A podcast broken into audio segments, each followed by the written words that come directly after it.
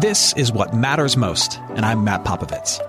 Look, life is crazier than ever, and lots of people, maybe even you, are feeling anxious and overwhelmed. Today's message is designed to help you figure out what's most important and to experience the peace and joy that God intends for you. Because life is a gift, and it shouldn't be wasted on worry. I'd like to give you a resource, something to help you navigate the road ahead. Just go to mattpopovits.com, click on the icon, and we'll send it to you. That's Matt, P-O-P-O-V-I-T-S dot com. And hey, if you happen to live in the Houston area, I'd love to see you on a Sunday morning at St. Mark in Spring Branch. Head to stmarkhouston.org to plan your visit. Here's today's message. Thanks for listening. I grew up as the, uh, the middle child of three boys.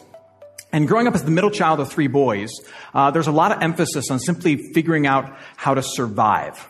And one of the primary ways in which you survive as the middle child of three boys is by shifting the blame. Because if you're a middle child, you know this. The middle child is the monster. Not really, but in the eyes of the parent, that's often how it comes down. Because when something bad happens in the house, um, it's clearly not the, the oldest child's fault. They're too mature. It's clearly not the youngest child's fault. They're too cute. So it must be the middle child's fault. And so you learn at a very early age how to shift blame. In fact, I don't know if you knew this, but the majority of lawyers in the world are middle children. It's not true, but it should be. Learn how to defend yourself from an early age. So my first false sentence was this It's not my fault. And even to this day, when I go back and visit my family in Michigan, those are the first four words out of my mouth. It's not my fault. You learn at an early age how to shift blame. Uh, we are we are in the middle of a teaching series uh, called Quitter, and the focus of this series is how the message of Jesus frees us to to let go and to walk away from, to to give up, to quit, so to speak.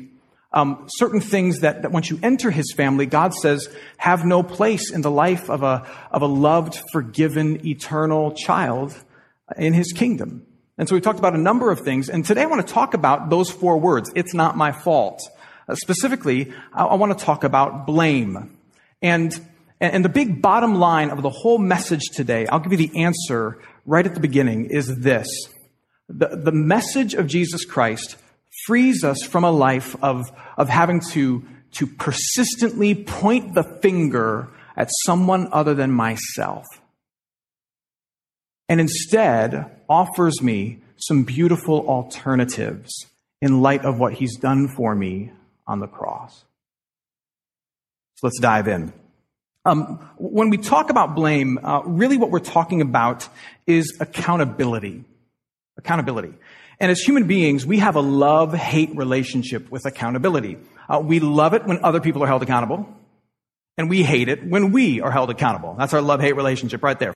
That reaction, that, that desire for accountability in others and our desire to, when possible, escape it in ourselves is, according to the scriptures, a byproduct of, of the broken human nature that we all carry.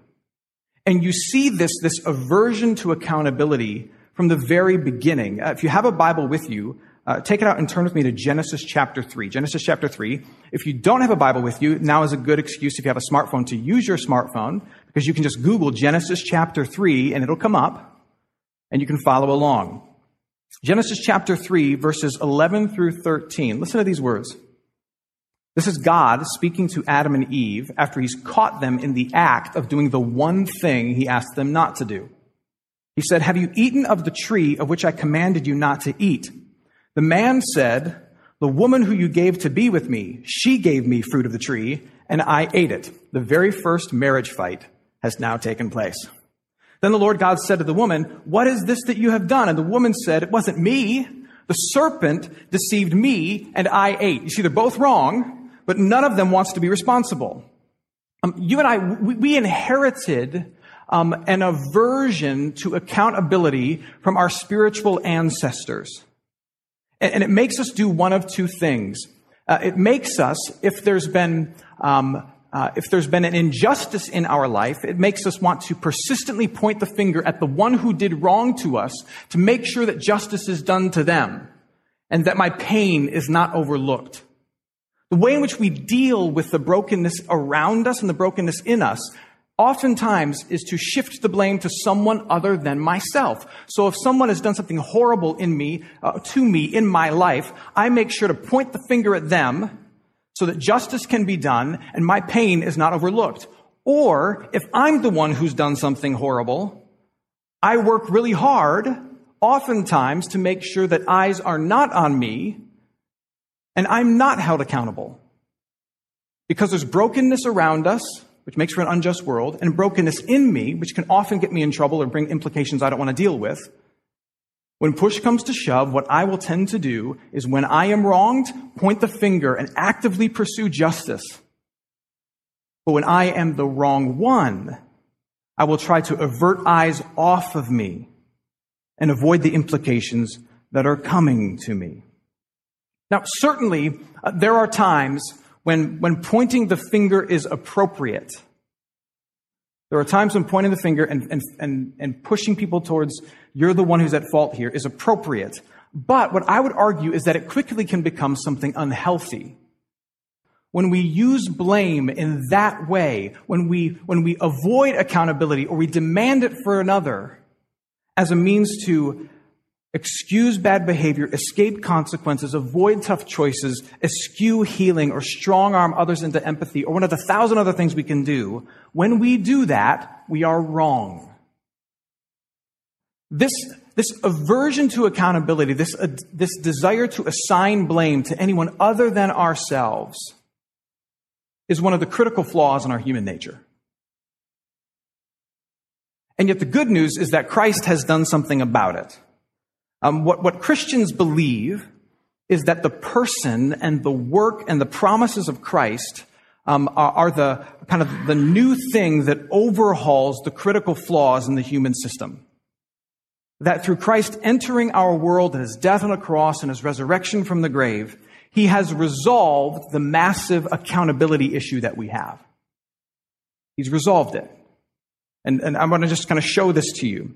Uh, if, you, if you now turn with me to Romans chapter 3, starting at verse 23, Romans chapter 3, uh, these words are familiar, but they're foundational. This is Paul talking, and he's talking about the, uh, the brokenness in all humankind and how the punishment for brokenness is, is taken on in Christ. Listen to this. Paul says, For all have sinned and fall short of the glory of God, and are justified by his grace as a gift through the redemption that is in Christ Jesus whom God put forward as a propitiation, a payment by his blood to be received by faith. Um, let me translate some of this. Paul is saying everybody's messed up, everybody is far from God, but we are made right with God as a gift through the death of Jesus Christ on the cross. He dies on the cross, pays the price for my rebellion, and he buys me out of the punishment that I deserve. And we receive the freedom from that punishment through faith in him, trust in him, being connected to him. This was all to show God's righteousness because in his divine forbearance he had passed over former, former sins. It was to show his righteousness that he did this. In other words, God is just. He doesn't want sins to go unpunished. He doesn't want accountability to not take place. So here's what this means God has put all accountability on Jesus Christ in his cross. So when you have done something wrong, it is futile, it's pointless for you to shift blame out of fear of the implications and the consequences. Because the ultimate implications and the ultimate com- uh, consequence, how it grieves the heart of God who made you, has been dealt with and neutralized in Christ. You're forgiven. Now you get to live as his beloved child and you can face the ripple effects of your bad choice in this relationship, in work, in school, whatever, knowing that he will guide you and bless you and, and work it all out for good for you. There is no need to fear the repercussions and the implications because God the Father has neutralized the ultimate implications in Christ. On the flip side, if the reason that you shift blame is not to avoid accountability for something you did wrong, but to, but to harp on hurts in the past that you want justice to be done for and, and, and, and the hurts of which you don't want to be forgotten by the world. The cross of Jesus Christ has guaranteed justice for you. Christ was punished for the evil of your uncle or your ex on the cross. Christ was punished for what they did for, to you. And one day, either the, either that person who hurt you is going to be brought to a realization of their brokenness and going to embrace the forgiveness that's found in Jesus Christ, or they're going to reject it and they're going to stand on their own accord in front of Jesus Christ and have to answer for it. But either way, you do not have to keep beating the drum of the brutal thing that happened to you because the God of the universe who loves you, he knows about it and he's doing something about it. Christ takes all accountability into himself. We do not need to shift blame when we're afraid of being caught red handed because the ultimate consequences have been neutralized between us and the Father through Jesus. You're going to be okay in the end. And we don't need to obsessively point back to the pains of our past because Christ has guaranteed justice for that, a justice that will be better than what we can conjure up by constantly pointing to a hurt from years ago. You can get really good at letting the whole world know how bad you were hurt in the past and how that's getting in the way of you being a good parent today or, or managing your money today or, or having a good day at work today. But here's the thing. You can hit that bullseye and you'll never be satisfied. You'll never be satisfied. Uh, what I would offer to you is this, is that a propensity to victimhood and blame will ultimately leave you empty and unattractive. Here's what I mean by that. Leave you empty and unattractive. Uh, and I'm going to speak now particularly to the one who, who seems to not be able to move forward in life, but is always pointing the finger uh, for everything in their present back to some hurt in their past if that's kind of how you deal and cope, my, my kind of pastoral word to you is this.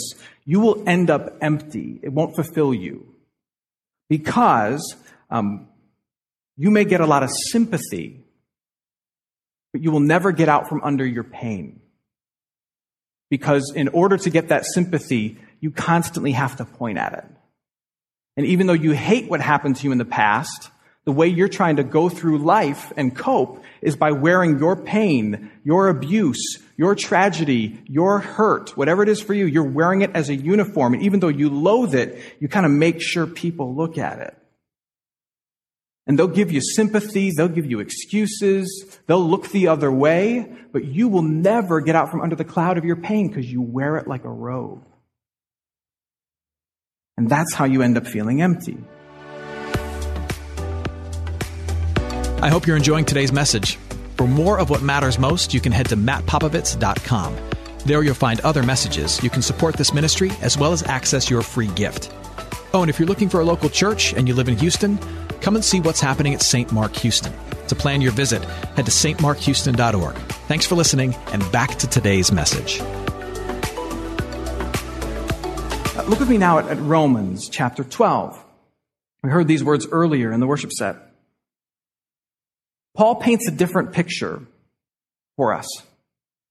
He paints a picture that's different from, from constantly focusing on the pain of our past, demanding justice and, and this blame thing, or avoiding accountability. Listen to what he says. We're going to actually read through a lot of this, but we'll do just a couple sentences right now. Paul says, Bless those who persecute you. When you're pointing at the past, are you blessing the one who persecuted you? No. You're prosecuting them. Bless and do not curse them. Not only that, but rejoice with those around you who rejoice, and weep with those around you who weep. Here's where the unattractive thing comes in. And I'm not talking about beauty. I'm not talking about like your hair and, and makeup or your awesome tie that your daughter told you you shouldn't wear today. I'm not talking about that. Here's where the unattractive piece comes in. You can't bless anybody else or become better than the enemy who hurt you if all you do is point to the past and blame them. You can't blame, you can't bless somebody else if all you're ever doing is talking about how you're blaming everybody else. You can't be a blesser and a blamer at the same time. Likewise, it makes you a bad friend or a bad relative because you can't really rejoice with others when it's their season to rejoice or weep with others when it's their season to be in pain because you're always in your mind looking for a way to take their pain and draw a line back to your hurt from the past.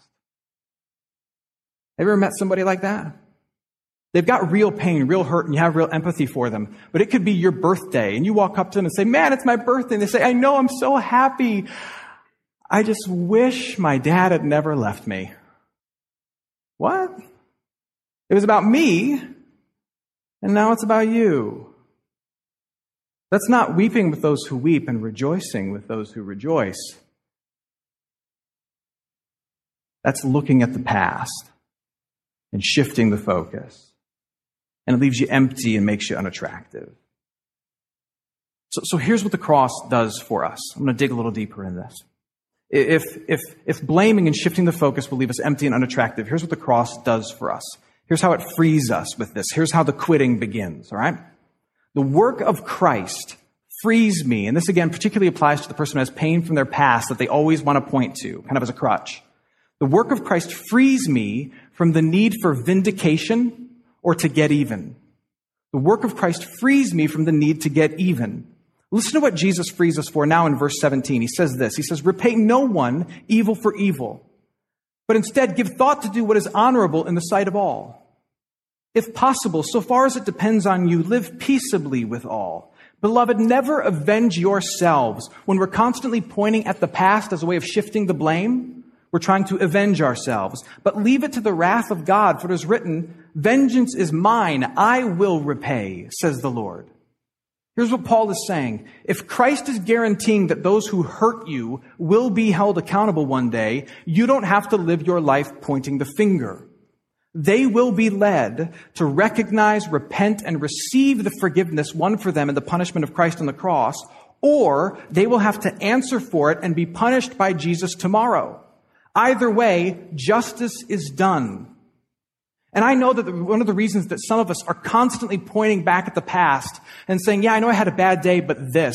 Yeah, I know I'm not really a good parent, but this. Yeah, I know I don't tithe or give, but this. Yeah, I know I can't really manage my household, but this.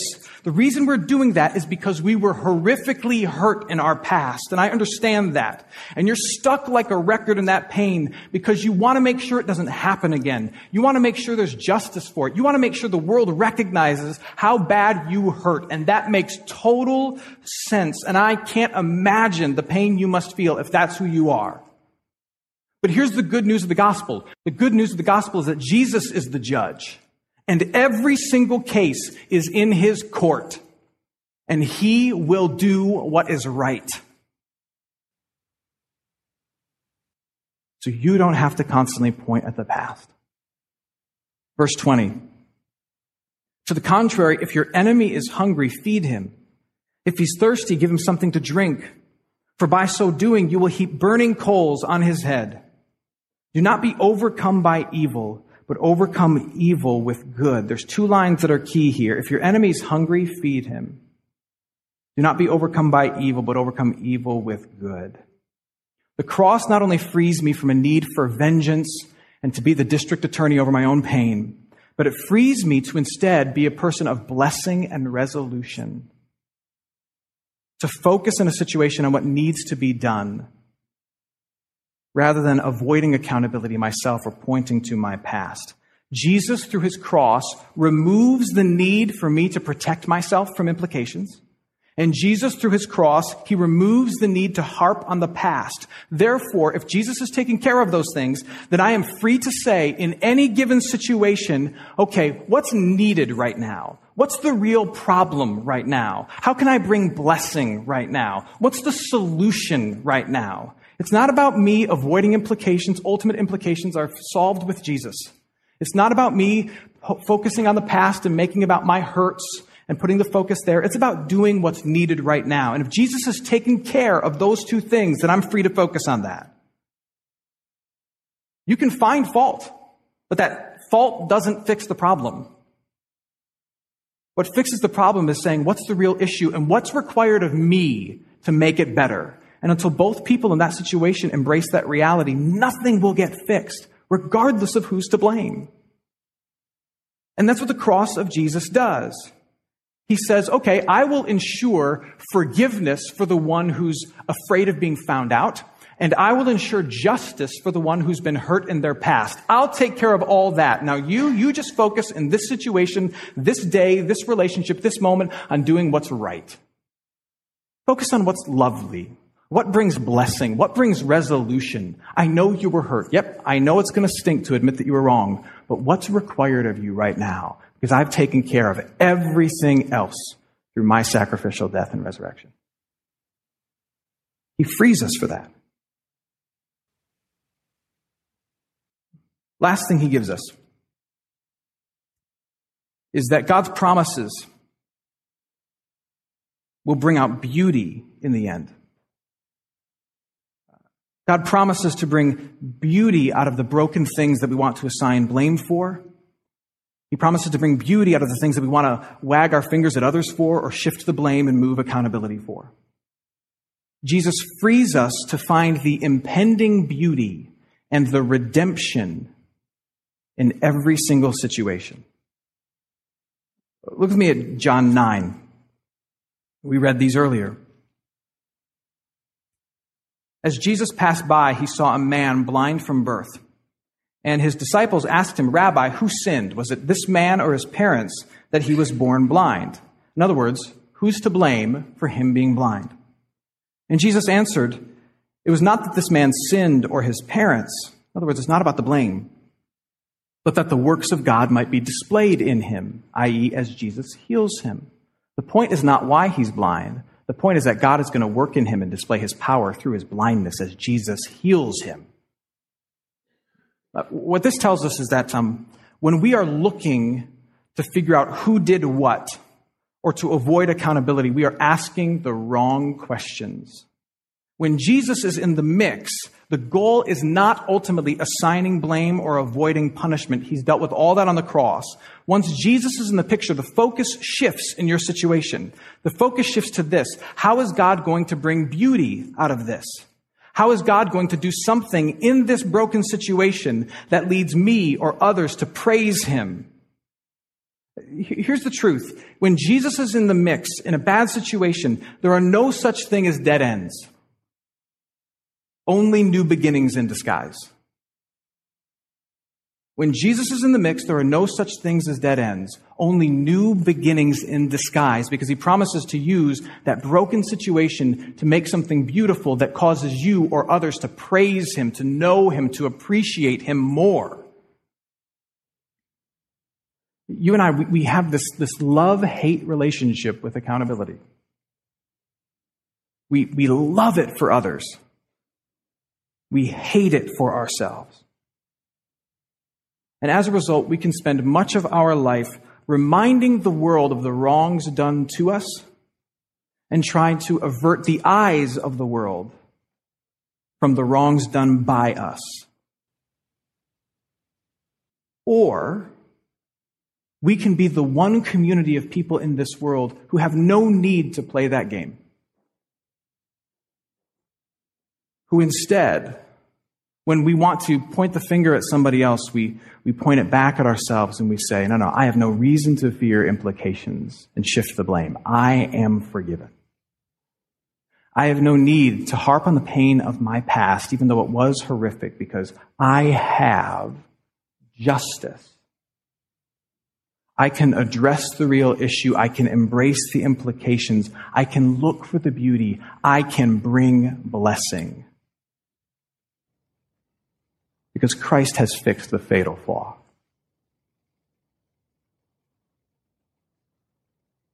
Be that person. Amen. Hey, it's Matt. I hope you enjoyed what matters most. Here's what I need you to know life is a gift, and it shouldn't be wasted on worry. I want to help you figure out what's most important and to experience the peace and joy that God intends for you. So for more content, you can head to mattpopovits.com. That's Matt, P-O-P-O-V-I-T-S.com.